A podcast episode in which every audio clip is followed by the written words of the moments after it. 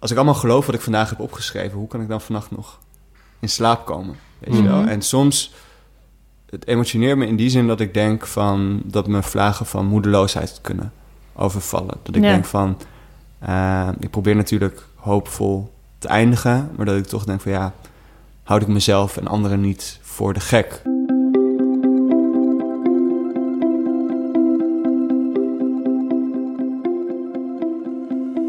Dit is Het Groene Hart, de podcast van Growthinkers, waarin we op zoek gaan naar het groene hart van onze gasten. Een gesprek met Jaap Dielbeke, auteur van het boek Een beter milieu begint niet bij jezelf en redacteur bij de Groene Amsterdammer.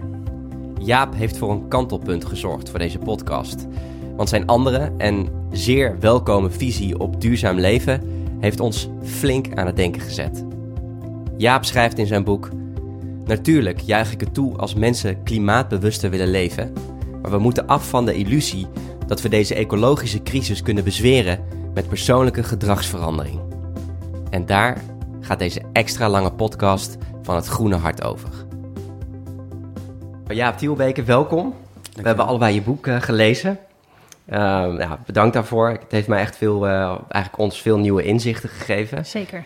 En uh, we wilden je gewoon heel graag spreken in deze podcast, omdat ja, je visie gewoon heel anders is, maar daardoor enorm interessant voor ons. En in ieder geval heel... anders dan hoe wij zelf in ons dagelijks leven Mhm. te werk gaan. Ja, wat we eigenlijk het als eerste van je zouden willen weten, ook voor de luisteraar. Kun je even de kern van het boek voor ons samenvatten? Ja, ja het boek heeft een licht provocerende titel Een beter milieu begint niet bij jezelf. En dat is Mhm. natuurlijk een knipoog, een reactie op die bekende Postbus 51 eh, slogan, Mhm. waarmee ik opgroeide in de jaren 90. Een beter milieu begint bij jezelf. En dan had je allemaal van die spotjes die dan lieten zien hoe jij je steentje bij kon dragen voor een beter milieu. En dan ging het over nou, de afvalberg inkrimpen door afval te scheiden en het eh, licht uit te doen als je van huis gaat. Mhm. En het idee was, nou, als we dat nou allemaal doen, dan kunnen we tezamen zorgen dat de milieuproblematiek verholpen wordt. En ik volgde dat als kind ook echt wel braaf op. Ik was daarvan overtuigd. Spoorde andere mensen in mijn omgeving aan. En eigenlijk nu ik de 30 gepasseerd ben en me als journalist in de ecologische problematiek heb verdiept, zie je dat, ja, nou dat zal voor niemand een verrassing zijn. Klimaatproblematiek en veel andere milieucrises uh, alleen maar gegroeid zijn. Mhm. Dus dat was voor mij ook reden om te kijken van ja, misschien heeft die mentaliteit, die dus de verantwoordelijkheid bij de gedragsverandering van het individu legt, ons wel in de weg gezeten. Dus wat ik met dit boek heb willen doen, is enerzijds laten zien van oké, waarom komen we maar niet verder? Want die wetenschap, ja, dat weten we eigenlijk al 30 jaar. Mhm. Uh, Ja. Alleen, we weten ook wel grofweg wat er moet gebeuren, maar toch lijken we maar niet in staat om die, ja, die collectieve verandering door te maken. Dus ik wil onderzoeken van nou, hoe is dat, uh, waarom lukt dat maar niet? En dan kom ik uiteindelijk bij een aantal mythes uit die dat uh, Mhm. klimaatdebat, duurzaamheidsdebat in de greep houden, waar dit er dus één van is. Mhm. En ik heb ook willen laten zien ja, waar een beter milieu dan wel kan beginnen. Ja. Uh, want die vragen hè, uh, die, waar jullie je ook mee bezighouden, van ja, wat kan ik nou doen uh, om toch dat beter milieu dichterbij te brengen? Die is natuurlijk heel relevant en begrijpelijk. Maar ik denk, nou, hopelijk is dat overgekomen, van, dat ik daar een andere, ander type antwoord op wil geven. Ja, ja precies. Ja, ik, ik heb ook al eerder aan Saskia het artikel uh, of het gehad uh, met het, over het artikel van Roxane van Ieper in, de Vrije, Neder in Vrije Nederland. Ja. Uh, het, ja, eigenlijk van ook waar de titel van jouw boek ook in zit. Nee, een beter milieu begint niet bij jezelf. een pleidooi tegen consumentenactivisme. Um, dat, dat, artikel heeft mij echt geraakt en ook aan, aan, het denken gezet. Ik werd er ook wel een beetje boos van, omdat ik ja. had van ja, je, ik doe zo mijn best en mm -hmm. wijd, uh, om, om mensen te inspireren binnen, ja, binnen je lifestyle, zeg maar. Mhm. Mm -hmm. En um, ja, nou bedankt, weet je wel. Dat gevoel kreeg ik heel erg. En um, uh, dit, ik denk dat het inderdaad over, heel erg over twee kampen gaat, of nee, even twee, twee delen van, ja, van het geheel, zeg maar, waar, die allebei heel belangrijk zijn. En misschien die, van, die jij pretendeert, de boodschap die jij hebt, is misschien nog veel belangrijker. Maar daar willen we het straks uh, ja, meer over hebben. Maar ik, ik heb dus al eerder dat uh, artikel voorgelegd ja. aan Saskia. En uh, dit was wat zij daarop zei. Het ontmantelen van die eh, fossiele industrie, helemaal eens. Tuurlijk, dat moeten we gaan doen. Mhm. Maar wat ik zo jammer vind, en dat zie ik de laatste tijd op meerdere plekken terugkomen, in meerdere artikelen, die mensen dan ook altijd weer naar me toesturen, is dat er eh, steeds een soort oordeel wordt gevel- geveld van dit heeft geen zin. Hiermee moet je stoppen. Je moet eh, dat doen. Dus bijvoorbeeld dan wordt er gezegd van, goh, het blijkt dat ehm, eh, walvissen heel veel CO2 uit de lucht halen. En dan wordt zo'n artikel geschreven op een manier van... wil je bomen planten? Veel beter kun je... eh, stop maar met bomen planten. Je kunt beter de walvissen redden, om het zo maar te zeggen. En ik denk elke keer... waarom nou het ene moeten stoppen... en moeten afwijzen ten gunste van het andere? We hebben helemaal geen tijd meer om bepaalde dingen niet te doen. Het is niet zo van, weet je, er... er eh, ehm, van de week werd ook weer, was ook weer in het nieuws dat nu dus is gebleken dat eh, het grootste deel van de klimaatmodellen, zoals die zijn voorspeld in de jaren zeventig, blijken te kloppen. Het is niet alsof je dan, stel dat je huis in de fik staat, dat je dan met elkaar op de bank gaat zitten vergaderen van goh. Eh, laten we vooral niet, eh, eh, weet ik veel, er een deken overheen gooien. Maar misschien kunnen we wel een glaasje water halen. En misschien is het wel, Mm. misschien, nee, nee, maar ga maar niet blazen of zo. Ik zeg maar wat. Ja. Nee, je gaat gewoon met alle middelen die je hebt, ga je er gewoon er tegenaan. Ja, ik zag je een beetje lachen en knikken. Ja, wat, hoe, Hoe, wat doet ja, dit? hoe denk jij daarover? Nee, het grappige is, ik vind het ook opmerkelijk dat je zegt ehm, hè, dat dat artikel je raakt en ook een beetje boos maakte. En het opmerkelijke vind ik, ik had de voorpublicatie van mijn boek in de Volkskrant. Dat was een aangepaste, eh, aangepaste versie van mijn inleiding. En eh, daar werd ook zo een kop boven gezet van je linnen tasje gaat de wereld niet redden. En ook de titel van mijn boek. De meest gepikeerde reacties die ik heb gekregen, Ja. kwamen eigenlijk uit de groene hoek. Van mensen die zich inderdaad ja, een soort van aangevallen leken te voelen. Maar zo, ik was laatst ook op een feestje en toen zei iemand zo semi-grappend van... Oh, jij bent die gast die, die zegt dat al die goede dingen die ik probeer te doen... eh, helemaal niet helpen of dat, dat die eigenlijk slecht zijn. Hmm. Ja. En dat is natuurlijk wel ja, een van de misverstanden die ik direct dan maar wil eh, wegnemen. Ik zou absoluut niemand willen ontmoedigen om eh, duurzamer te leven. Ja. Of om zich daarvoor in te spannen. En ik geloof ook heus dat het aanstekelijk kan werken. Dus het is geen... Ja, er wordt me wel vaak verwijt dat ik een soort schijntegenstelling creëer. En daar ben ik het niet helemaal mee eens. Omdat ik best geloof dat die dingen hand in hand kunnen gaan. Ja. Waar ik alleen tegen ageer is dat we te veel de nadruk hebben gelegd op dat ene verhaal. Dus te veel die schuld hebben geïnternaliseerd. En echt alleen maar hebben gekeken, oké, op de vraag wat kan ik doen, geven we een antwoord, wat kan ik doen als consument?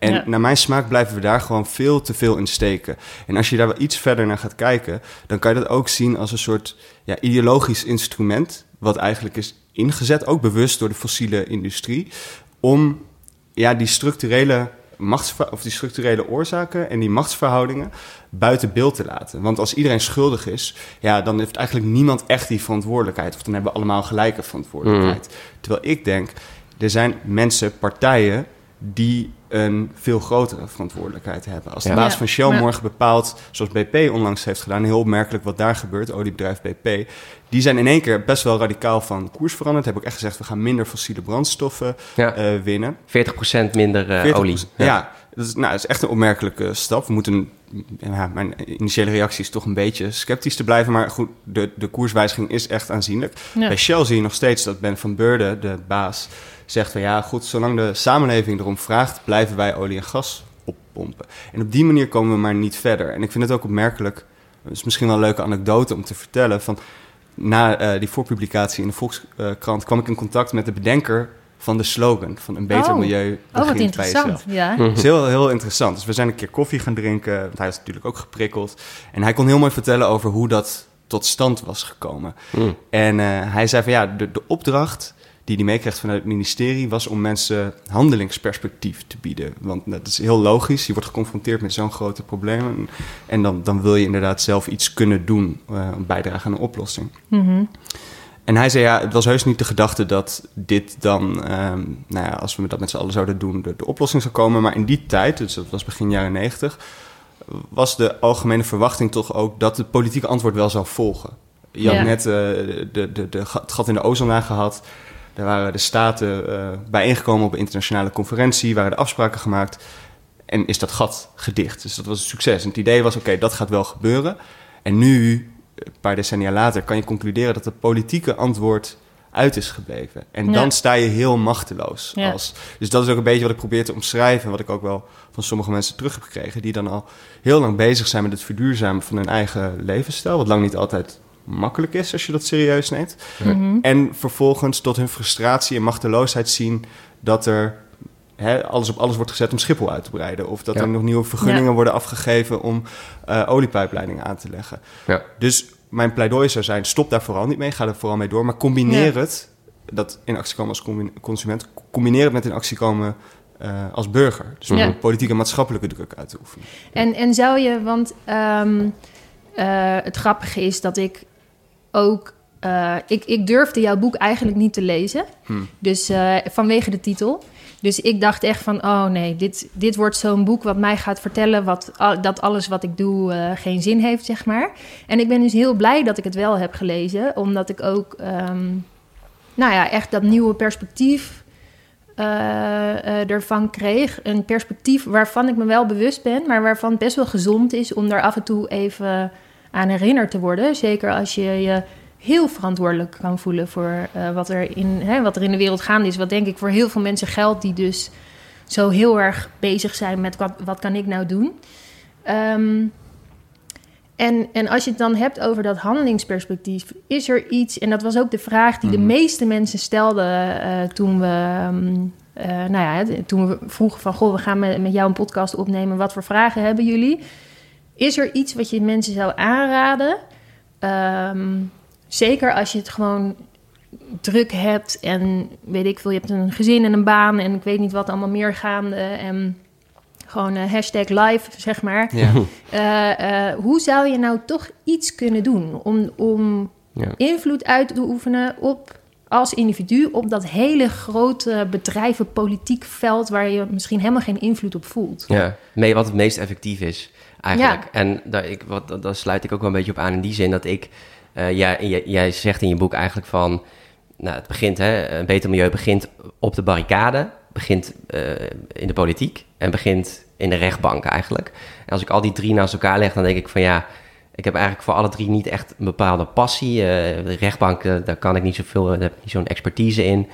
Um, ja, barricade activisme past niet echt bij mij in die zin dat uh, ik kan er nog wel een anekdote over vertellen van ja, hoe, hoe, ik daar, wat er toen is gebeurd, toen ik dat vertelde ook aan mensen. Um, dat was eigenlijk dat ik een lezing gaf voor een, uh, een lezing gaf en zei van ja, ik zag toen, ik, ik had, was zeg maar de Extinction Rebellion was toen net aan de hand in Amsterdam. Mensen lagen op, op straat. En ik was daar dus bij gaan staan en ik dacht van ja, als het nog, als het nog langer duurt, ga ik er ook bij liggen. Maar ergens voelde dat ook niet bij mij passen. En was ook iemand die na die lezing zei van ja, Jelle, past niet echt bij jou, want jij bent gewoon toch meer een inspirator, iemand die bewustwording wil verspreiden en niet zozeer iemand die, gaat, uh, die een activist is. En dat vond ik eigenlijk ook wel kloppen. Dus ook inderdaad van ja, wat, uh, dat is misschien meer, veel meer een persoonlijke vraag van wat kan ik dan doen, maar ook inderdaad wat Sas zegt voor de gemiddelde mens. Ja. Uh, wat, zijn, wat is nou het meest effectief dan om te doen? Ja. ja. Ik herken dat trouwens wel, want dat vind ik heel opmerkelijk dat je dat zegt. ik schrijf natuurlijk wel inderdaad dat de barricade, de klimaatbeweging, echt een belangrijke rol kan spelen in het uitoefenen van maatschappelijke druk. En dat heb je denk ik ook gezien dat dat echt effectief kan zijn. Mhm. Eh, er was ook een, een eurocommissaris voor visserij en milieu en die zei ook gewoon van zonder die klimaatprotesten, en dat is niet alleen Extinction Rebellion, maar ook gewoon hè, de klimaatmars en de klimaatspijbelaars, de scholieren, mhm. was die Green Deal die Europa nu aan het formuleren is, er waarschijnlijk niet geweest. Dus ik denk echt dat dat een, ook historisch gezien zie je hoe maatschappelijke bewegingen echt invloed kunnen uitoefenen. Maar ik heb misschien een beetje hetzelfde als jou, want ik ben van nature niet echt een activist. Ik schrijf in mijn boek ook lichtelijk schertsend dat ik mezelf meer, ja, gewoon eerder thuis voel in mijn studeerkamer dan ja. op de barricade.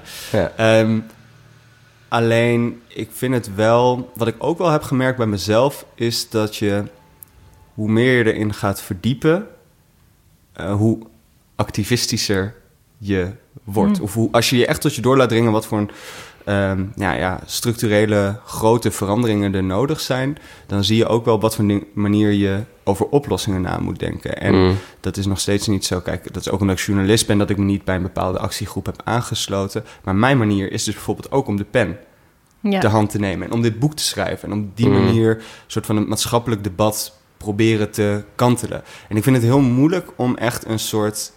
ehm, ik heb natuurlijk bewust geen lijst opgenomen achter in mijn boek... met tien dingen die jij moet doen voor Nee. het klimaat. Want dat zou ook een beetje tegenstrijdig zijn aan mijn, aan mijn boodschap. Ehm, maar die, die vraag is heel legitiem. En ik denk dat ik daar geen passend antwoord op heb... behalve dan dat ieder dat ook voor zich uit moet maken... en dat Mhm. de, de, de, het achterliggende gedachtepunt zou moeten zijn dat je ook als burger in actie komt. En dat klinkt abstract, maar dat begint al bij ehm, iedere verkiezing je stem Ja. uitbrengen. En dat Ja. is een soort van bare minimum wat je zou kunnen doen. Maar je zou ook een stapje verder kunnen gaan en je bemoeien eh, binnen een politieke partij met het klimaatprogramma. En dat kan op eh, Europees niveau, dat kan op landelijk niveau of op gemeenteniveau. Mhm. Je zou op wijkniveau iets kunnen initiëren met ehm, energiecorporaties oprichten. Of eh, ja, zo zijn er allerlei manieren. Jij zegt ik heb geen juridische expertise. Heel veel mensen hebben dat niet. Maar je kan natuurlijk ook wel rechtszaken ondersteunen zonder Ja. dat je eh, per se als advocaat of adviseur wordt ingeschakeld. Simpelweg door eh, je daarbij aan te sluiten. En Hoe doe je dat zijn- Ja, je hebt bij eh, die, die rechtszaken die er zijn Ja. geweest, kon je ook mede-eiser worden, Precies, toch? dan kon je dan mede-eiser worden en. Ja. Van Urgenda toen. Eh, eh, de, klimaat, of de zaak tegen Shell in Ja. ieder geval kon Ja, je mede-eiser worden. Die ja. had echt zo'n campagne opgezet. Die hadden dan ook iets van 17.000 eh mede-eisers. En om specifiek de vraag voor jullie te, te beantwoorden. Jullie zijn natuurlijk bezig als inspirator. En dat is een super belangrijke rol. Jullie hebben ook een platform, eh, een nieuwsbrief, een podcast. En daarin heb je natuurlijk ook invloed. Dus daarin heb je ook, net als ik met mijn boek probeer te doen... hebben jullie ook de mogelijkheid om mensen een platform eh, te bieden... door bepaalde verhalen te laten horen. Dus dat zou ik wel interessant vinden eh, als je op die manier die invloed aanwendt om mensen aan het woord te laten die meer ja, oog hebben voor die, die structurele oorzaken, ook om de bewustwording ehm, Mhm. te creëren. Dus Mhm. dat, dat zou mijn advies aan jullie zijn. Maar ik vind het moeilijk om een soort Ja. lijstje met, met, met, met een stappenplan. ehm, En, en doen. want heb je bijvoorbeeld, ik, ik, ik, ga, ik ga toch een beetje doorzaniken op, het, eh, op de tips of op het lijstje. Maar eh, heb, denk jij bijvoorbeeld dat het, ik ga een gewoon een paar voorbeelden noemen. Mhm. hè? Denk je dat het bijvoorbeeld ehm, zin heeft om petities te ondertekenen? Dus je hebt best wel vaak politieke partijen of milieuorganisaties die eh, grote campagnes en petities starten. Denk je dat dat zin heeft? Dat is gewoon een kwestie van eigenlijk even je naam, e-mailadres en Ja. dan heb je weer wat gedaan. Ja, ja het, het, het is, neigt vaak naar een soort van... Het heeft een beetje negatieve connotaties van gemakzuchtig collectivisme. Maar Mhm. ik denk wel degelijk dat dat soort vormen van collectieve acties... eh, ja, de een zal effectiever zijn dan de Ja. ander. Maar ik denk wel, bijvoorbeeld als je ervoor kiest om minder te gaan vliegen... dat het dan een logische vervolgstap zou zijn... is als je ook in actie komt. En dat kan door, door, weet ik veel, op Schiphol te gaan protesteren... of door petities te ondertekenen... of door partijen te stemmen die tegen de uitbreiding van Schiphol... of Lelystad Airport zijn. Door op die manier ook eh, ja, te proberen om echt... Dat, Ja. als burger dat systeem in, in, in eh, beweging te krijgen. En, en denk je, of wil je nog iets toevoegen? Nee, ga je gang. Denk je dat je, ehm, want eh, eh, in Zweden bijvoorbeeld is het eerste x aantal maanden van vorig jaar Ja. was eh, het vliegverkeer geloof ik met 4% gedaald als enige land in Europa vanwege deels ook wel vanwege andere dingen, maar ook vanwege vliegschaamte. Dus dan wordt ineens dat individuele consumen- consumentenactivisme wordt een soort collectieve collectief activisme, wat wel verschil maakt. Denk je op die Ja. manier dat je, als je met veel bent als consumenten, dat je dan eh, wel gehoord wordt? Ik ben daar wel sceptisch over, zolang je niet ook die bredere analyse maakt. En dat zit natuurlijk wel heel erg in die, dat vliegschaamte-campagne. dat het natuurlijk ook de aandacht probeert te trekken op allerlei manieren waarop luchtverkeer wordt gestimuleerd en gesubsidieerd. Er wordt geen be- belasting gegeven op kerosine. Ehm, allerlei ja, andere financiële voordelen en prikkels... Waarmee, waardoor het vliegtuig goedkoper is dan de trein. En dat moet uiteindelijk veranderen. En zo'n zo'n ja, consumentenactivisme gecombineerd met die analyse... kan wel degelijk ehm, iets, die verandering in gang zetten. Maar ik ben er toch wel, zeg maar... ik wil toch wel de nadruk leggen op dat... Dus die, die, die structurelere analyse. Dat zie je ook Ja. bij, het, eh, bij vlees eten, vegetarisme. Die norm is onmiskenbaar verschoven. Hè? Ik, als je 20 jaar geleden of 15 jaar geleden eh, vegetariër was, had je het een stuk moeilijker dan nu. De, het aanbod aan vleesvervangers is veel groter. Mensen kijken je minder gek aan. Ik ging naast barbecue met een groep en toen zei iemand... eh, zijn er ook... zijn er ook carnivoren onder ons? Dat is heel grappig, want zeg maar vijf jaar geleden, tien jaar geleden was de vraag Ja. andersom geweest. Nu, ble- Ja. nu bleken er nog wel genoeg carnivoren onder ons, dus dat, eh, dat stemde weer wat minder hoopvol. Maar mijn punt is ook, als je dan gaat kijken naar de totale vleesconsumptie, althans in Nederland, dat die eigenlijk niet eh, nauwelijks afneemt. Ja. Nee. En eh, dat vind ik dan wel verontrustend. En ik denk dat we... Eh, Melk wel, volgens mij, las ik laatst. ja, dat is misschien ook weer uit gezondheidsoverweging. Maar goed, ehm, het, het, het punt is van zolang bijvoorbeeld de Europese Commissie nog eh, geld uitgeeft om eh, varkensvlees, Europees varkensvlees te promoten. Ja. En er, het landbouwsysteem zo is ingericht dat intensieve veehouderij nog steeds de norm is, ehm, dan, dan komen we niet verder. Dus Nee. eh, dat bedoel ik met dat consumentenactivisme en politiek activisme of maatschappelijk engagement hand in hand kunnen gaan. Ehm, wat ik alleen zie is dat het te vaak blijft steken in, in, in consumentenactivisme. En dat we op die Ja. manier eh, gewoon niet verder gaan komen. Ja. Ja. En petities ondertekenen kan daar een, een, een, eh, een rol Ja. in spelen. Er is ook geen silver bullet. Weet je wel? Er is Mm. niet één actie die objectief de meeste zoden aan de dijk zet. Een van, de, een van de dingen die je natuurlijk kunt doen als burger is stemmen. En nou was er iemand die de vraag stelde. Ik ben heel benieuwd of je daar een antwoord op wil geven. Hmm. Maar of je ook ehm, een stemadvies hebt. Of je een bepaalde politieke partij adviseert. Of Ja. een bepaalde partijen om op te stemmen. Nee, kijk, in mijn rol als, als journalist ben je niet neutraal. Dus ik durf me best uit te spreken over ja, wat ik positieve, hoopvolle ontwikkelingen vind of wat niet. Dat heb ik in het boek ook gedaan. Het is duidelijk een wat opinierender boek dan de meeste artikelen waren die ik in het verleden heb eh, geschreven. Omdat ik dacht van nou, nu wordt het tijd om echt mijn inzichten te delen. Mhm. Maar ik waardeer wel mijn onafhankelijkheid in die zin dat ik me niet ehm, wil associëren met één bepaalde politieke partij. Dus ik zou niet een, een stemadvies in die zin eh, geven. Ik denk als je de partijprogramma's erop na gaat lopen, dat je natuurlijk wel in de, een- bij de ene partij eh, meer raakvlakken zult vinden met mijn boodschap dan met andere partijen. En die partijen Mhm. zitten vaker op de linkerflank. Maar wat ik denk dat wel belangrijker is, is dat we. Dat, stemmen is heel belangrijk. Maar politieke verandering is veel diffuser, is veel ongrijpbaarder hoe dat tot stand komt. Dus het gaat ook heel erg over hoe het politieke denken in den brede eh, verandert. Je ziet nu bijvoorbeeld dat met een centrumrechtskabinet, we hadden, eh, eh, dat wordt aangevoerd door VVD en CDA, ehm, dat er al zoiets is als eh, dat we onderhandelen over een klimaatakkoord. En het gaat nog lang niet ver genoeg, maar in Europa wordt nu geleid door een christendemocraat, Ursula von der Leyen. Die heeft dat Green Deal geïnitieerd. En je ziet, dus mijn hoop is eigenlijk dat dat, dat, dat denken wat misschien ontstaat in de marge bij, weet ik veel, radicale partijen als Partij voor de Dieren en dan doorcijpelt via eh, GroenLinks, dat dat langzaamaan ook mainstream wordt. Of dat bepaalde ideeën worden overgenomen door het Mhm. politieke midden. En dat we op die manier, we moeten al die partijen meekrijgen. Dus stel dat je je heel erg thuis voelt bij, eh, de- bij, bij het CDA of zo. eh, word dan vooral actief binnen die partij, want daar moet nog een hoop Ja. gebeuren. We zullen Ja. ook dat soort partijen ehm, mee moeten krijgen, denk ik. Ja. En, en zou je willen uitleggen wat je bedoelt met het politieke denken? Ja, gewoon de ideeën die, die, die circuleren en die gangbaar worden.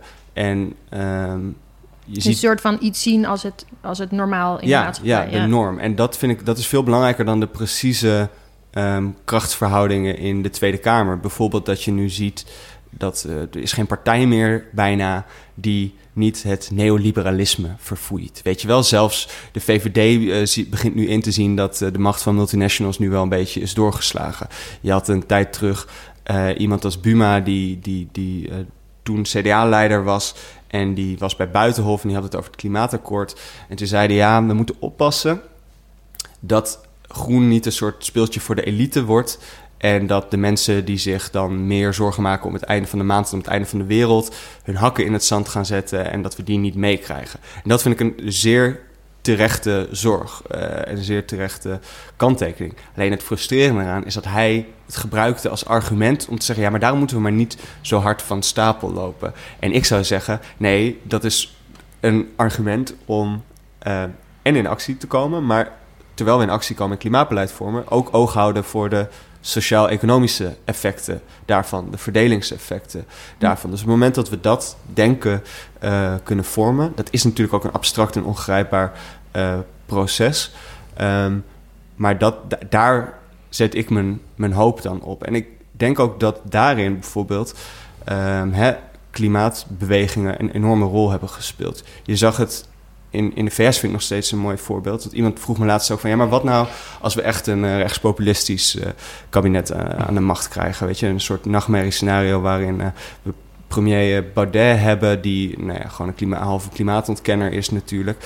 is dan de politieke route niet afgesloten? En ik zou zeggen, nee, absoluut niet. Want je zag het in de VS ook, met Trump... Nou, een slechtere kandidaat op heel veel vlakken, maar ook op het gebied van klimaat, kan je bijna niet bedenken. En wat er toen gebeurde is dat er ook een soort tegenreactie kwam van iemand als Alexandria Ocasio-Cortez, een jong um, links uh, congreslid die uit het niets eigenlijk opkwam en in één keer de hele boel opschudde met radicale voorstellen. En een van die voorstellen was dat idee van een Green New Deal. En wat ik daar zo mooi aan vind, is dat het klimaatbeleid heel erg nadrukkelijk koppelt aan... dit is niet zomaar een energievraagstuk. Het gaat ook over ja, de sociaal-economische verdeling. Ze koppelt het aan een programma, aan een baangarantie of aan gratis uh, zorg. Um, en dat denken vond ik heel mooi. En je ziet hoe dat nu is overgenomen door Joe Biden, die toch meer gematigde centristische kandidaat is. En ook in Nederland, of in Europa althans, dat, dat idee dat, dat achter, en dat wordt op een andere manier ingevuld en ingekleurd, maar dat achterliggende idee, dat wordt ook overgenomen bijvoorbeeld door de Europese Commissie. Dat het klimaat ook onlosmakelijk verbonden is met een rechtvaardigheidsvraagstuk. En dat vind ik, dat is wat ik bedoel met hoe ideeën door de politiek reizen en, en ja, mainstream kunnen worden. Ja. Is er, um, denk je dat als, als wij, als er in Europa um, iets terecht zou, kunnen, zou komen van die uh, um, Green New Deal. Denk je dat wij daar iets van zouden gaan merken? En zo ja, wat? In ons dagelijks leven? Ja, dat is natuurlijk ook als ik zeg van... Hè, uh, we moeten, de politici en de directeuren moeten in actie komen... dan bedoel ik natuurlijk niet dat wij achterover kunnen lenen... of dat we dat niet in ons dagelijks leven zouden voelen. Want als je de klimaatcrisis serieus neemt... dan betekent dat dat luchtverkeer aan banden moet worden gelegd. Dus dat vliegen ja, sowieso duurder wordt, of in ieder geval dat we minder vaak kunnen vliegen. Dat vleesconsumptie teruggeschroefd en zuivelconsumptie teruggeschroefd moet worden. Dus klimaatverandering is zo'n. Het raakt aan zoveel vlakken hoe we reizen, hoe we wonen. Uh, aan welvaartsverdeling. Dus als we dat serieus willen nemen, ja, dan gaat onvermijdelijk ieder van ons daar wat in merken. En ik denk dat de uitdaging de kunst is dat we niet de uh, zwakkere schouders de zwaarste lasten uh, laten dragen. Hmm. Dat is natuurlijk weer bijvoorbeeld een heel erg sociaal-democratisch principe. Dus ik zie daarin ook voor iets als de Partij van de Arbeid een hele uitdaging om dat te verenigen met een wat groenere agenda. Maar dat is volgens mij echt cruciaal om dat uh, in het oog te houden. Maar zeker, dat gaat ja. aan het leven van ons allemaal raken. Ja. Eigenlijk is het ook wel interessant, want de dingen die je noemt zijn in zekere zin dingen die consumentenactivisten vaak zelf al voor zichzelf besluiten en een beetje een soort voorschot nemen. Dus eigenlijk wel dat je het van twee kanten zo soort van. Uh... Ja, en dat is ook nog wel een argument waar ik misschien niet, misschien onvoldoende aandacht aan heb besteed in mijn boek, is zo van dat dat inderdaad wel al een soort voorsorteren is op waar we uiteindelijk allemaal naartoe zouden moeten. Dus dat de omslag voor die mensen minder groot is.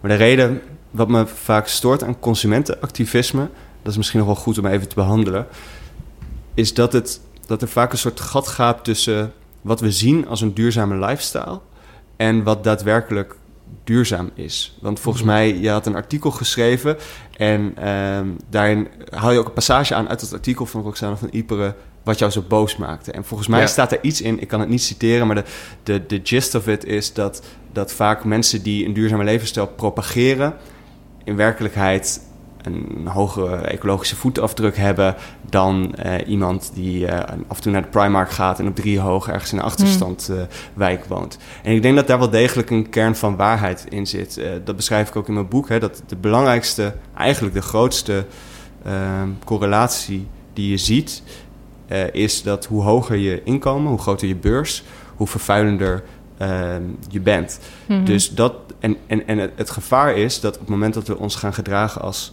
groene dominees, dus door te zeggen van, met het beschuldigende vingertje ook naar elkaar te zwijgen van, goh, drink jij nog steeds uh, koemelk in je cappuccino of eet je nog steeds vlees, dat dan bij een bepaalde groep kan het ongetwijfeld aantrekkelijk uh, aanstekelijk werken.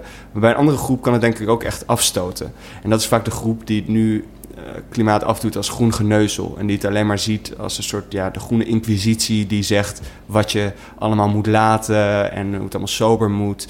En uh, volgens mij is ook de uitdaging om die groep juist mee te krijgen. Dat gaat niet makkelijk zijn, maar ik denk dat dat wel dat het helpt als we niet als we dat moraliserende uh, toontje er eigenlijk uithalen. Hm. Want dat is wel een gevaar wat ik zie. Dat het, als we het niet goed aanpakken, dat het echt de sociale tegenstellingen kan vergroten. Ja.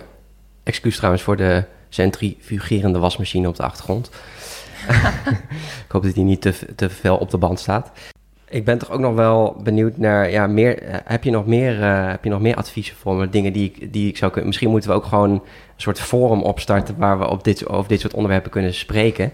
wij zo spreken dat, uh, want dat mis ik dus ook heel erg dat je een plek hebt waar je met dit soort mensen, waar, waar je met mensen over kan praten. Want het, uh, heel, het hele social media is toch een beetje vervuild, ook door de algoritmes, uh, iets werkt of niet. En je kunt gewoon niet. Uh, dus ik zou het bijvoorbeeld heel gaaf vinden om een soort forum op te richten waar we hier met z'n allen over kunnen praten van wat is nou effectief en ja, dat je gewoon ook die ruis niet hebt van die algoritmes. Ja. Um, maar wat zijn, nog meer, wat, wat zijn nog meer dingen die we kunnen doen? Je hebt bijvoorbeeld ook over die intensieve veehouderij. Wat zijn daar uh, effectieve dingen in om, om, om daarin te gaan doen.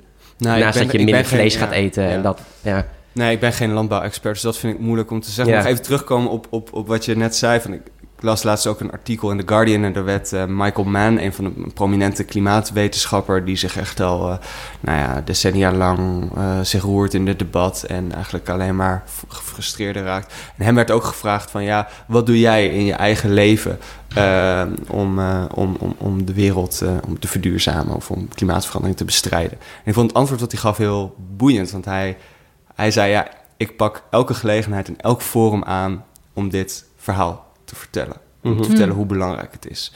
En dat vond ik zo'n interessant antwoord, omdat hij niet uh, in de reflex schiet van: oh, ik uh, uh, ga minder vliegen. Of ik rij. wat hij misschien ook wel doet, dat weet ik niet. Maar ehm, ik vind er bijvoorbeeld ook wel echt iets voor te zeggen dat bepaalde mensen, activisten, die zeggen: Oké, ja, ik weet dat ik door mijn vlieggedrag. Ehm, dat dat ja, eigenlijk niet houdbaar is vanuit klimaatoogpunt. Maar ik kies er toch voor om die grotere ecologische voetafdruk te hebben, omdat ik het belangrijk vind dat ik op plekken aanwezig ben waarin ik mijn boodschap kan hmm. vertellen op die fora waar je het over had.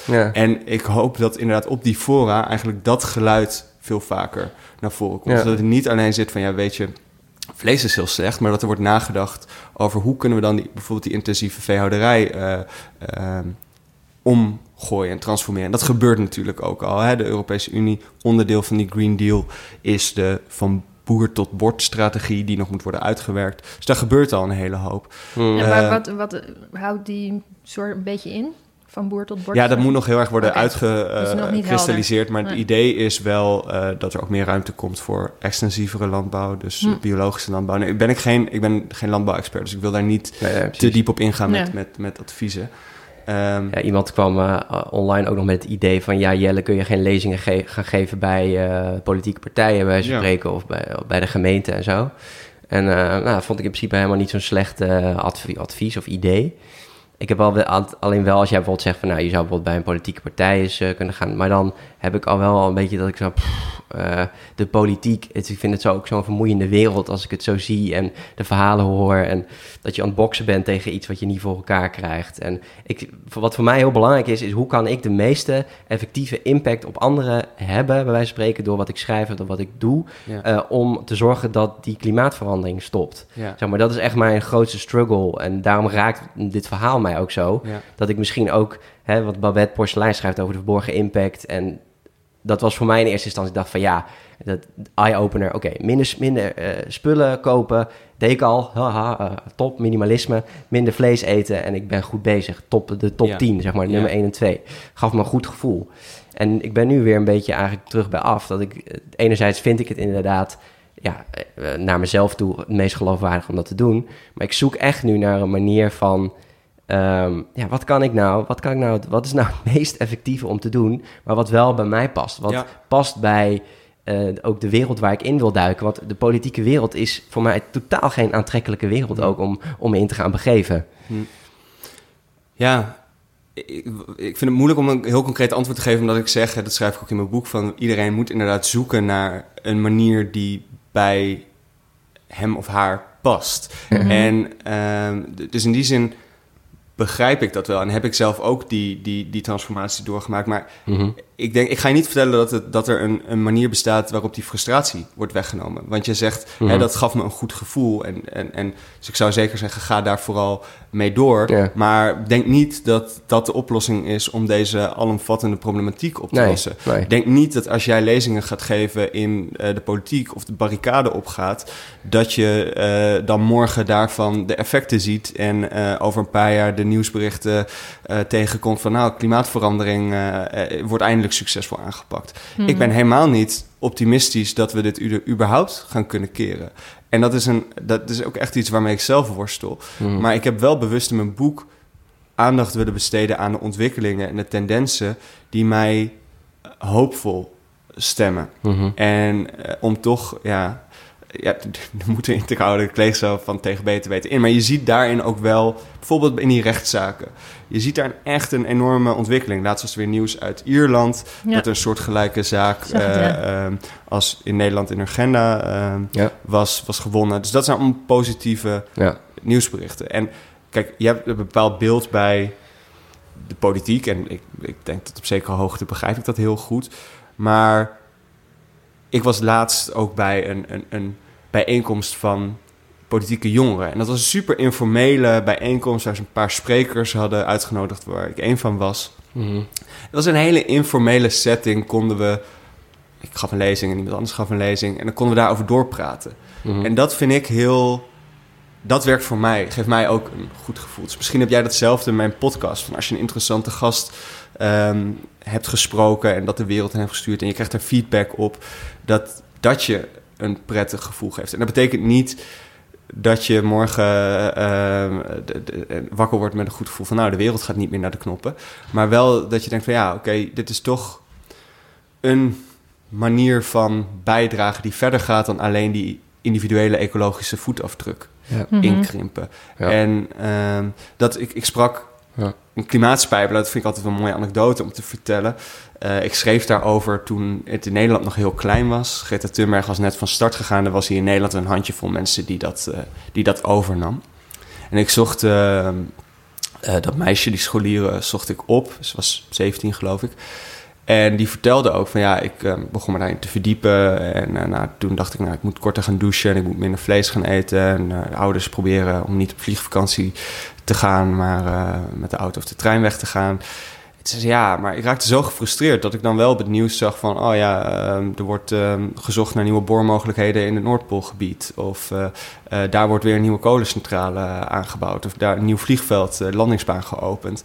En toen zei ze van ja, toen had ze op een gegeven moment was ze uitgenodigd om te speechen in de gemeenteraad. En dat was heel interessant om te zien. Ze begon zo die speech en stond ze daar. En je zag die mensen zo op hun telefoon eh, kijken. En eigenlijk luisterde die niet naar haar. En toen ze, liep ze zo naar het midden van de zaal. Toen stortte ze zo neer op de knieën. Echt zo'n theatraal gebaar van... "La- eh, ik smeek jullie. En ze van, nou, die mensen keken op. En zei ze, sinds ik de kracht van speechen heb ontdekt... voel ik me echt minder machteloos. Want als je politici kan bereiken... dan kan je een veel grotere impact hebben. Dus dat Ja. werkte voor haar heel goed. Ik geloof dat ze nu... Hm. Ik heb de toneelschool gedaan, dus dat klinkt interessant. Nee, zij is Ja. volgens mij ook nu... eh, ze is minder actief in de klimaatbeweging... maar ze is ook eh, de toneelschool gaan doen. En dat is nog iets. Ja. Weet je wel, ook kunst, theater... eh, kan Ja. daarin een belangrijke rol spelen. Mensen gaan, literatuur. eigenlijk ook mensen gaan eh, bewegen, mensen gaan emotioneren met jouw boodschap. Eh, en daar zou je bij wijze van spreken online een enorm, ook een enorm Ja. bereik mee kunnen hebben. Nou ja, en het is, het is de, ik, wat, wat ik er ook een beetje in hoor is... Ja. eh, kijk eigenlijk bij jezelf waar je talenten ligt, liggen... en waar ligt wat je leuk vindt om te doen... en op wat voor manier... en hoe je, je invloedssfeer eruit ziet.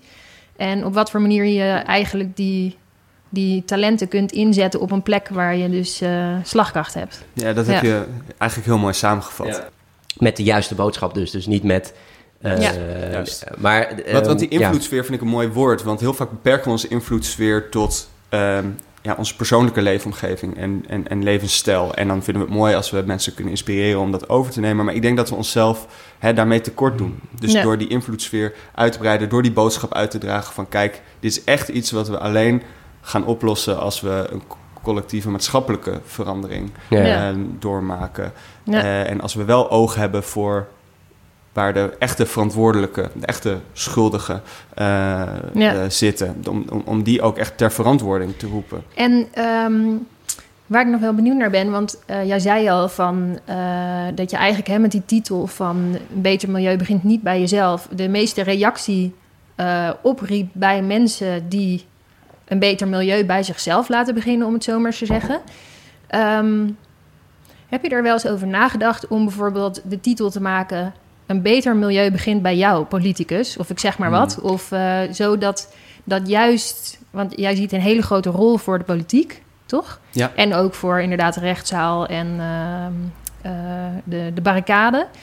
Ehm, heb je daar wel eens, of heb je bijvoorbeeld je boek opgestuurd naar politici of zo? Heb je, probeer je hem daar zo in de leeslijst van wat politici te krijgen? Ja, zeker. Volgens mij heeft mijn uitgever. Maar het was onhandig, want volgens mij belandde die in de postvakjes net, net voor of net op het moment dat de Kamer op reces ging. Dus ik hoop dat ze straks terugkomen en dan eh, lekker uitgerust aan mijn boek kunnen beginnen en dan die inzichten allemaal eh, lyrisch overnemen. En dan bij de verkiezingen dat we dan eh, een heel groen kabinet gaan krijgen. Dus dat is mijn hoop. Maar ik weet ook wel dat dat misschien een beetje een naïeve hoop is. Maar kijk, de reden dat ik die, dat ik die, die, die titel heb gekozen, is dat het ook echt wel. Het mag best wel een beetje prikkelen. En ik Ja. hoop inderdaad dat mensen eigenlijk die stap zetten die jij ook hebt gezet.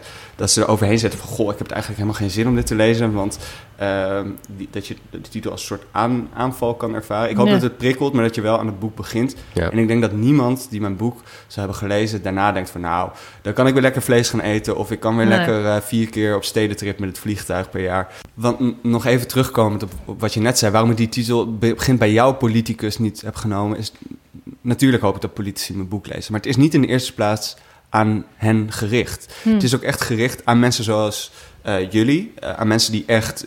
Ik heb bewust voor gekozen om niet nog eens... Tuurlijk wil ik de ernst van het probleem nog eens schetsen... maar ik ga niet nog eens een samenvatting geven... over hoe erg het klimaatprobleem is. Dat is mijn uitgangspunt. Mhm. En het boek is gericht aan mensen die een handelingsperspectief zoeken... die verder gaan dan echt alleen dat individuele eh, verantwoordelijkheid. Ja. En omdat ik ook geloof dat we alleen op die manier politici... één boek gaat politici niet in beweging brengen. Maar als ze dit boek lezen en vervolgens ehm, in september mensen de straat op zien gaan... of er worden nieuwe rechtszaken gevoerd... of er worden op allerlei manieren druk uitgeoefend... jij gaat lezingen geven... dan, eh, dan kan dat langzaamaan wel die verandering in Ja. gang zetten. En, en ehm, ik heb eigenlijk twee, twee vervolgvragen. De ene vraag is: ehm, ben je niet ergens ook bang dat, dat juist door zo'n titel en door mensen die niet je boek lezen, de titel wordt aangegrepen als een soort van manier om de verantwoordelijkheid weer hè, bij iemand anders neer te leggen? En mijn, mijn tweede vraag is: ehm, zouden we iets kunnen doen, mensen die misschien, nou ja, hè, van, iets meer een podium hebben, om jouw boek na het reces eh, hè, wat, wat eh, visibility te geven op de juiste plekken, zeg maar. En de mensen die nu luisteren, kunnen, kunnen, we, kunnen we even een kleine marketingcampagne beginnen met z'n allen om jouw boek bovenop de stapel als eerste te doen na het reces. Ja. Eh, weet je, vergeten alle Bij eh, andere dingen die spelen. Willem-Alexander in de boekenkast. Net als... eh, Net als de verborgen impact, ja, precies. Nee, graag. Ik bedoel, eh, eh, eh, natuurlijk. En dat is, ik ben eh, geheel niet objectief als ik zeg dat een, een marketingcampagne voor mijn eigen boek me een goed idee lijkt. maar ook even los van de ijdelheid, vind ik dit gewoon een belangrijke boodschap dat die aankomt bij politici. En dat kan via mijn boek, eh, maar dat kan ook door gewoon eh, eh, die boodschap op allerlei manieren aan politici te verkondigen. Door dat signaal af te geven in de stembus. Maar ook door, weet ik veel, ehm, brieven te schrijven of petities te ondertekenen of opiniestukken of op allerlei manieren eh, die boodschap over te laten komen. Ik heb nog niet helemaal, ik ben geen marketing-expert, dus ik weet niet precies op welke manier we die politici het beste kunnen bereiken. Maar ze hebben allemaal Twitter en een mailadres ongetwijfeld. Dus uh, als we ze nou allemaal bestoken met die boodschap en dan een linkje naar mijn boek toevoegen. Ja. Dan, uh, en misschien Ben van Beurden ook? En Ben van Beurden ook. Ja, ik denk De niet dat CEO hij. eh, ja, ik denk niet dat ik hem eh, met dit boek van gedachten ga kunnen verrassen. Maar kijk, dat, is, dat is een beetje het punt. Misschien is dat nog wel een interessante anekdote om te vertellen van. ehm, ik zag dat eh, de directeur van Milieudefensie mijn boek aan een aantal eh, eh, vaste, trouwe volgers of, of bijdragers van Milieudefensie cadeau had gedaan. Dat is natuurlijk heel leuk. Maar eigenlijk zou ik liever willen, weet je, dat de directeur van Shell of de marketingmanager van Shell dit boek aan een aantal mensen cadeau doet. Want je wil ook zorgen dat die boodschap buiten de mensen die er toch al eh, van overtuigd zijn. Ja, zijn collega's van eh, Total eh, Oil. En, eh, Precies. Ja. Misschien moeten we bij BP beginnen, want die heeft nu een beetje, Ja. lijkt de Ja. goede kant op te, op te gaan. Ehm, nog even terug te komen op, wat was je eerste vraag ook alweer? Over dat ik bang was. Ja. Ja, dat mensen de, de Ja. titel eh, zullen aangrijpen als... ah, het begint niet bij mij. Want uiteindelijk, dat, dat is natuurlijk ook een beetje het... het ehm, kijk, dat, eh, wat jij zegt is van dat, dat consumentenactivisme eh, vind je problematisch. Maar uiteindelijk of het nou gaat om... eh, hey, we, we doen op een bepaalde manier net alsof het verschillende dingen zijn. Consumenten, bedrijven, overheid. Maar hetgene wat eigenlijk... eh, al die dingen met elkaar verbindt, is de mens. Dus Ja. je zou ergens zeggen dat juist als iedereen binnen zijn eigen invloedssfeer alle verantwoordelijkheid neemt, of het nou jouw verantwoordelijkheid is als politicus, of je verantwoordelijkheid als Ben van, de, ben van Beurden, of, en ja, dan heb je, maak je inderdaad, eh, hè, heb je minder slagkracht, je verantwoordelijkheid als, eh, als burger. Ja. Ehm, ja, eigenlijk begint het bij iedereen, zou je kunnen zeggen. Eh, ja, ik bedoel, een titel mag volgens mij ook best wel een beetje prikkelen. En zoals ik Ja. zeg, van, ik denk als je het boek hebt gelezen, dat je dan niet... Het is absoluut geen pleidooi van... eh, dat zou ik eerder hebben bij zo'n titel als het begint bij jouw politicus. Het is geen pleidooi om achterover te leunen en dan maar te zeggen van... hé, hey, lossen jullie het maar op. Ja. En zolang dat niet gebeurd is, ehm, ja, hoef ik eh, niet van de bank af te komen. Hmm. Ehm, maar een beter milieu begint bij iedereen. Het, gevaar daarvan is weer, en eh, ik snap dat je dat, dan, dat je dat niet bedoelt, maar is dat je weer dat we iedereen even schuldig Ja, en even ja. verantwoordelijk zien. En volgens mij is het heel belangrijk om juist die machtsverhoudingen Ja. in eh, beeld te brengen. En dat kan je doen door als burger in actie te komen. Want je zegt, de mens verbindt al die... En dat, dat klopt natuurlijk. Ieder mens is zowel burger als consument. Ehm, maar Als misschien politicus. als Ja. politicus. Maar je zou, ik vind dat we de, de, de nadruk wat meer over dat in actie komen als burger Ja. mogen leggen. En daarin zit die boodschap dan wel dat je oog houdt voor ehm, ja, die machtsverhoudingen en, en, en de structurele oorzaken. En wie, wie de macht heeft en de verantwoordelijkheid heeft en de kansen heeft om daar echt wat aan te doen. En het, het interessante is, ik in mijn boek in de conclusie schrijf ik van ja, eh, stel nou dat eh, Greta Thunberg alleen eh, vegetariër was geworden Mhm. en vervolgens gewoon braaf naar de les was gegaan. Ja, dan had ze een veel minder grote Ja. impact gehad. Of Ja. stel dat. Roger Cox, de advocaat van Urgenda en nu Milieudefensiezaak tegen Shell aanvoert. Stel dat die eh, wat zonnepanelen op zijn dak had gelegd en verder gewoon door was gegaan met zijn werk als reguliere advocaat.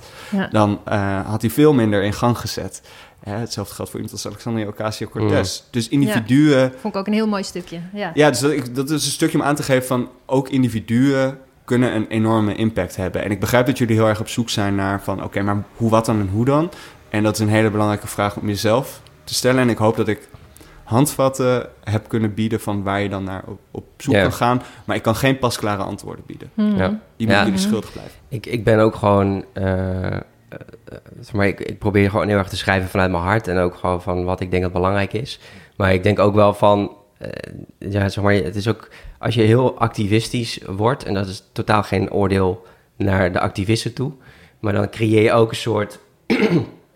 eh, een soort disconnectie met je omgeving. Je wordt al snel een linkse rakker genoemd. En die gek die op straat gaat liggen. Ehm, eh, daar, daar, daar kijk ik dan een beetje, daar ben ik dan een beetje bang voor. Van, weet je wel, van hoe, eh, ja, hoe kan ik ook die, die, die, die, die balans vinden en die, die, die tussenweg vinden. Ja. Waarin het enerzijds heel erg bij mij past, maar ik ook echt iets gedaan krijg en ook wel echt laat zien van, jongens, dit is echt te laat. En bij wijze van spreken die, die, die meid die op haar knieën gaat. En dat ik ergens ook wel laat zien wat er bij mij emotie zit. En dat dit gewoon zo belangrijk is. Ja. Ja, dat is wel interessant. Het boeiende vind ik wel, kijk, ook als je naar de geschiedenis kijkt, het zijn altijd de, een, een groep radicale gekkies die Ja. werden weggezet als eh, ja, gevaarlijk of naïef, eh, gekke idealisten, of ze nou streden voor de afschaffing van de slavernij, voor vrouwenstemrecht, voor gelijke rechten, voor eh, of het homohuwelijk, gelijke rechten voor vrouwen. Altijd werd de groep die de status quo uitdaagde weggezet als ja, linkse rakkers of gevaarlijke Mhm. gevaarlijke elementen. En, of, of naïef, van dromers. Dat zal er nooit van komen. En toch als je kijkt van wat heeft nou dingen in gang gezet... zijn het wel vaak bijvoorbeeld de burgerrechtenbeweging in de Verenigde Staten. Je zag het ook bij de Black Lives Matter eh, protesten. De kritiek zei, ja, goh, het heeft wel heel veel polarisatie veroorzaakt. Ja, maar misschien is dat nodig ook om verder te komen. Want ondertussen hebben we het wel ehm, besproken in de Tweede Kamer. Heeft eh, onze premier zich daarover uit moeten spreken. Komt het debat op gang. Dus ehm, dat even ter verdediging van activisme. Maar ik begrijp heel goed dat niet iedereen zich daar comfortabel bij voelt. Om Mhm. daar bij zo'n wegblokkade te gaan liggen. En dat, dat vind ik wel. Wat, wat me trouwens wel opviel, is dat toen ik sprak met activisten van Extinction Rebellion. En dat het me opviel dat er mensen tussen zaten die niet het prototype activist zijn. Die niet Nee. het activisme met de paplepel ingegoten hebben gekregen. Er ook heel veel mensen bij zitten die gewoon ja, zich zijn gaan verdiepen en zich rot zijn geschrokken. En eigenlijk ja, een beetje die schroom van zich af hebben gegooid. En toch gezegd van ja, oké, als ik het allemaal geloof en ik vind het zo ernstig...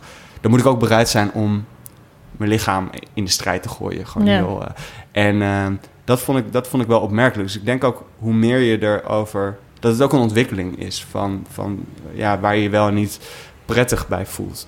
Wat voor, wat voor rol zie jij voor de media? En ehm, heb je het idee dat die rol anders kan dan dat die nu is? Want je zou zeggen dat, ehm, ja, dat nu misschien dat die, die rol nog best wel wat leidender ook misschien mag of daadkrachtiger. En dat er nu misschien ook te veel wordt gekeken van hoor-wederhoor, terwijl het een hoor-wederhoor is tussen 97 en 3 procent, om het zo maar te zeggen. En die worden dan gelijk tegenover elkaar eh, gezet. Hoe zie jij dat? Ja, de rol van de media, dat is wel echt een goede vraag. En ook een vraag die ik mezelf professioneel natuurlijk als journalist stel. En ja, je hebt helemaal gelijk, daar heb ik ook wel in het verleden over geschreven, dat die ingesleten houding van hoor en wederhoor eigenlijk ons veel kostbare tijd heeft gekost. Omdat we heel langzaam blijven hangen in de vraag: is het allemaal wel zo erg? Is de mens wel, degelijk verantwoordelijk voor de opwarming van de aarde en in hoe grote mate? En je, het is ook heel goed gedocumenteerd dat klimaatskeptici, ik prefereer de term pseudosceptici of klimaatontkenners, eh, dat die daar bewust op hebben ingespeeld door denktanks op te richten, eh, mensen naar voren te schuiven in de media die eigenlijk een contrair argument Mhm. ehm, naar voren brachten en die een marginaal groepje vertegenwoordigden eh, in het eh, geheel van serieuze klimaatwetenschappers. En ook, en ook betaald werden door... Ja. Ja, zeker in de VS is dat, heeft dat een hele grote rol gespeeld. En dan ontstaat er zo'n ecosysteem dat mensen die ideeën ook in Nederland over gaan nemen. Dat hoeven niet allemaal mensen te zijn die direct op eh, de loons, loonsadministratie van fossiele industrie staan. Maar in de VS was dat wel degelijk het geval. Dat was gewoon een bewuste strategie van twijfel zaaien. En eh, dan heb je bijvoorbeeld een tv-programma waarin je aan de ene kant eh, heb je een klimaatwetenschapper zitten die vertelt van nou, het is toch echt een serieus probleem en iedere test die we doen en iedere sceptische, kritische eh, onderzoek wat we doen, die, die bevestigt dat we in grote problemen zitten en dat er snel dingen anders moeten. En heb je aan de andere kant iemand die zegt ja, nee, maar kijk, statistisch gezien klopt het allemaal niet, hier en hier zit de fout, dus het valt allemaal wel mee. En ik heb het idee dat we dat stadium langzaamaan wel gepasseerd zijn. Maar het is bij de media inderdaad heel lang eh, het idee geweest van ja, we moeten beide kanten van het verhaal horen. En dan krijg je een compleet vertekend beeld van de situatie. En in de VS heet dat eh, false balance. En je merkt dat media er nog wel mee blijven worstelen. Want die echte harde klimaatontkenning is misschien wat naar de achtergrond verdwenen. Ik denk niet dat je snel ehm, op de opiniepagina's van de krant nog iemand gaat tegenkomen die zegt: uh, klimaatverandering bestaat niet of de mens heeft er uh, geen aandeel in. Maar wel een soort van zachtere vormen van klimaatskepsis. Mensen die zeggen: ja, maar het is allemaal te duur of de gevolgen zullen wel meevallen. Terwijl ook dat eh, nou makkelijk te ontkrachten valt. En dat, dat vind ik wel zorgwekkend. Tegelijkertijd begrijp ik het ook wel. We hebben met de Groene Amsterdammer, waarvoor ik schrijf, hebben we vorig jaar meegedaan aan een campagne Covering Climate Now, heet dat geloof ik. En het was een internationale eh, effort om te laten zien van... hé, hey, kijk, dit is het, een van het, het grootste verhaal van onze tijd misschien wel. En wij willen ons daar de verantwoordelijkheid nemen. Toen heb ik ook zo'n stuk geschreven over de rol van de media daarin. Maar het gevaar van activisme als journalist, als journalist ligt natuurlijk al snel op de loer. En in de Britse media zijn ze daar wat, wat, gaan ze daar wat makkelijker mee om. Bijvoorbeeld The Guardian, die heeft Ja, echt... eh, zeggen. eh, hè, dat is echt een Terminologie aangepast. Die hebben Term- echt gezegd, ja. eh, we doen geen wederhoor meer, geloof ik zelfs, toch? Of nou, niet meer... kijk, wederhoor klinkt natuurlijk heel Ja, negatief. maar ze- kijk, het punt is, natuurlijk moet je horen en wederhoor halen. Toen ik begon als journalist, ben ik ook met allerlei partijen gaan praten. Maar daarmee ben je er niet. Nee. Dan is de vervolgende stap, en dat is de verantwoordelijkheid van de journalist... om te gaan wegen, wikken en wegen van ja. wat zit dichter bij de waarheid... en Mhm. wat is overtuigender. duiden, Hè, zoals ik ja. dat in dit boek heb gedaan, wat iets opinierender is... maar waarin ik ook telkens probeer transparant te zijn... over mijn eigen afwegingen en inzichten. ja. En ehm The Guardian is nog wel een stap verder gegaan. Die heeft zich echt aangesloten bij die divestment campagne... waarin ze instituties opriepen om hun geld terug te trekken... dus te desinvesteren uit de fossiele sector. Dat vind ik wel... Dat zou, daar zou ik als journalist moeite mee hebben... omdat je dan echt verbindt aan een bepaalde campagne... dus dan op die manier je onafhankelijkheid Mhm. verliest. Dat vind ik wel... Maar ik vind het geen activistisch standpunt om te zeggen... luister, dit is het grootste probleem van onze tijd. En ik vind het heel zorgwekkend dat je nu ziet... ik wil absoluut niet de coronacrisis bagatelliseren. Dat is een van de grootste gezondheidscrisis op dit moment. Het is logisch dat er veel aandacht voor is. Maar ik vind het wel heel zorgwekkend hoe ehm, het klimaatvraagstuk... toch weer van de krantenpagina's en van de Ja. agenda is verdwenen. Ja. En eh, dat is ook eh, eh, iets waarvan ik denk van ja, hoe dat moeten we zeker in aanloop naar de verkiezingen weer zorgen dat we dat op de agenda eh Ja. krijgen. Straks wordt het welke partij gaat het beste met corona om, in principe, bij wijze Ja. van spreken. Ja. Ja, dat is wel echt het gevaar dat dat het, het dreigt te overvleugelen. Ja, helemaal waar. Eh, de, ja, de mens Jaap wil ik nog even naartoe. Eh, in hoeverre emotioneert dit jou ook gedurende de dag, dit, eh, dit onderwerp? En wat emotioneert je het meest?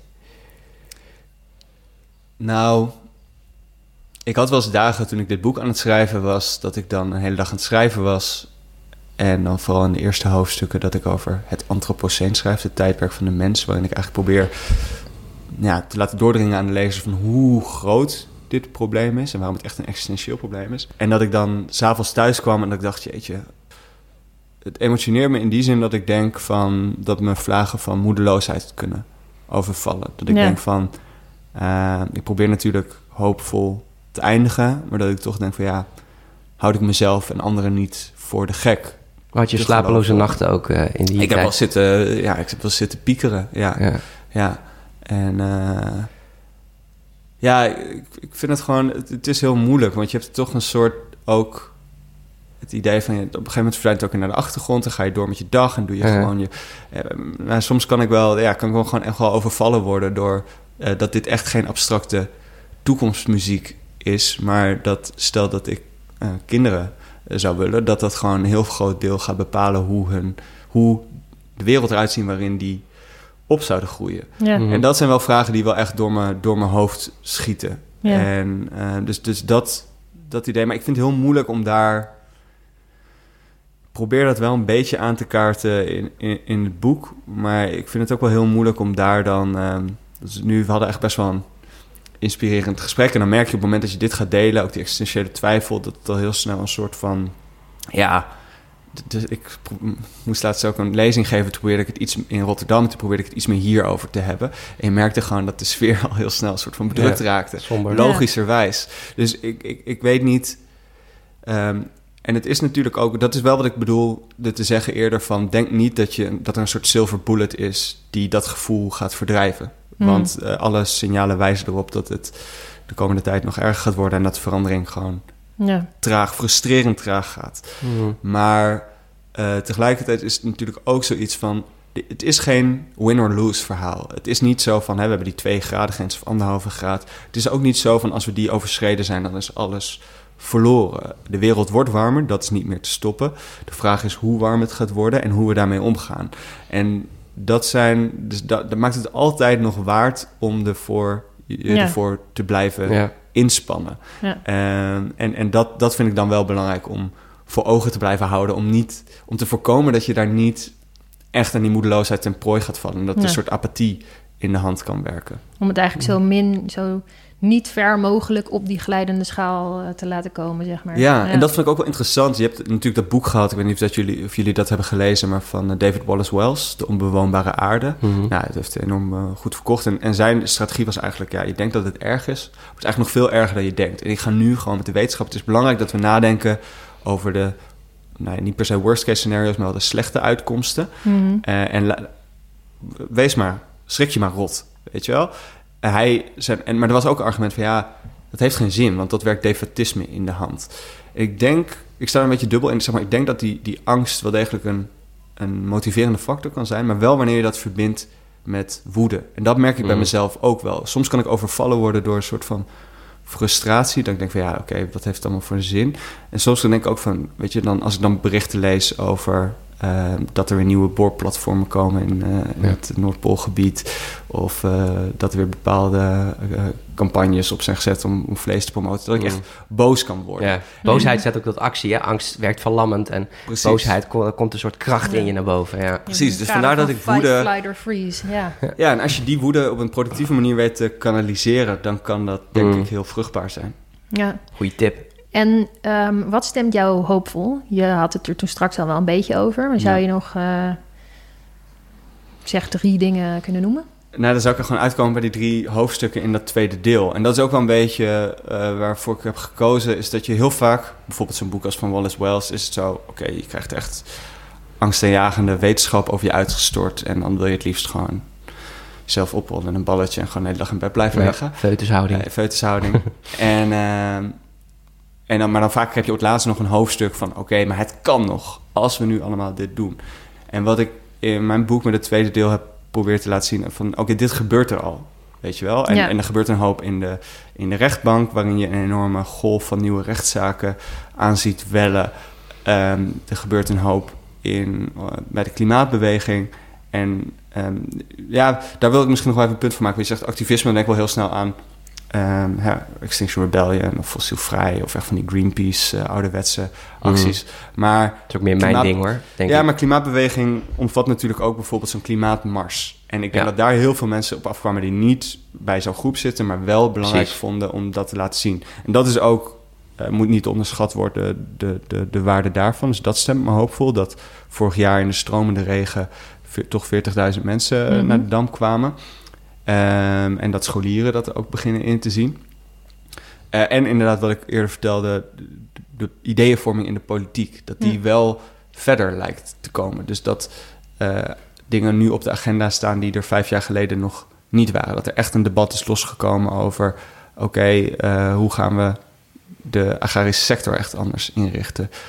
Hoe gaan we eh, ook dat bijvoorbeeld het idee van economische groei in de economische wetenschappen steeds meer ter discussie komt te staan of geproblematiseerd wordt. Dat vind ik ook een, een interessante verschuiving eh, in het, met het oog op, eh, op, op klimaatverandering. Dus dat zijn allemaal wel zaken die me, die me hoopvol ste- stemmen. Je, nu, je nuanceert het ook in het boek van ja, dat, je, dat je wel je best doet ook zelf. eh, ook om gelo- geloofwaardig te blijven naar jezelf toe. Maar dat je dus niet met de illusie rondloopt dat die acties, dat duurzamere leven wat jij leeft, dat dat de wereld gaat redden. Ja, Ehm, maar wat, wat, doe- wat, wat doe je bijvoorbeeld nu nog zoal? Eh, eh, eh, probeer, ja, probeer je dus wel echt minder te vliegen en minder vlees te eten. Ja. Geef ons eens een inkijkje in wat, wat je dan hebt veranderd. ja nee, ik bedoel, dat vind ik een opmerkelijke... eh, ik had gehoopt dat we die vraag konden ver- vermijden tijdens dit gesprek. Nee, Ja. maar ja, die, die twee dingen. Ja. Ehm, maar ik probeer, dus ik, ik probeer net minder te vliegen en ik eet geen vlees. En er zijn, nog wel een aantal andere dingen waar ik bedoel, ik ben me daar wel van, van bewust. Mhm. Eh, eh, alleen, ik wil daar gewoon echt niet te veel de nadruk op leggen. Ook omdat wat, ik, wat ik giftig vind, is dat we in, ik weet niet of dat een Nederlands ding is, maar hier zag je het heel erg terugkeren, is dat dat verwijt van hypocrisie.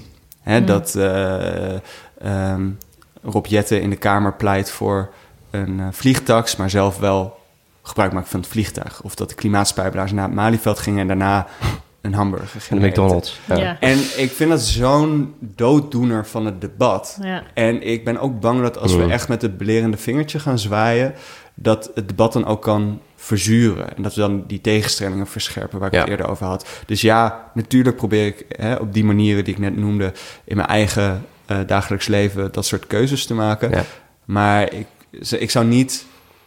Ehm, als mensen Daarmee, aan mij eh, vragen van, hey, wat kan ik nou doen? Zijn dat niet de eerste dingen Nee, die Nee. ik zou zeggen? Nee. helder. Ja, mooi. Nou Jaap, dan hebben we nog één laatste vraag voor je. Is er nog iets dat van jouw groene hart af moet? Oeh. Ja, zorg ervoor, dat zou misschien mijn belangrijkste boodschap zijn. Zorg ervoor dat het klimaat eh, bij de komende Tweede Kamerverkiezingen het thema wordt. Zeg maar, als we dat Ja. kunnen bewerkstelligen en dat debat eh, weten aan te jagen en weten te voorkomen dat het nu door de acute coronacrisis naar de achtergrond verdwijnt, dan dat kan echt heel belangrijk zijn. Daar hoop ik heel erg op. En daarin hebben we dus allemaal een rol te spelen. Ja, Dus eh, wacht niet totdat je in het stemhokje je stem uit kan brengen, maar zorg er op allerlei manieren voor dat we, ja, dat we echt dat gesprek op gang krijgen. En hoe zou je dat kunnen doen? Door met je omgeving erover te hebben alvast, door misschien ergens al... eh, Nou ja, door hè, eh, misschien toch op allerlei manieren eh, partijen te bestoken. Ja. Als je zelf al actief bent in een partij, om ervoor te zorgen dat, dat het speerpunt wordt. ja, Ehm, maar ook door ja, brieven te schrijven naar media. ja, Ehm, dat is ook een manier.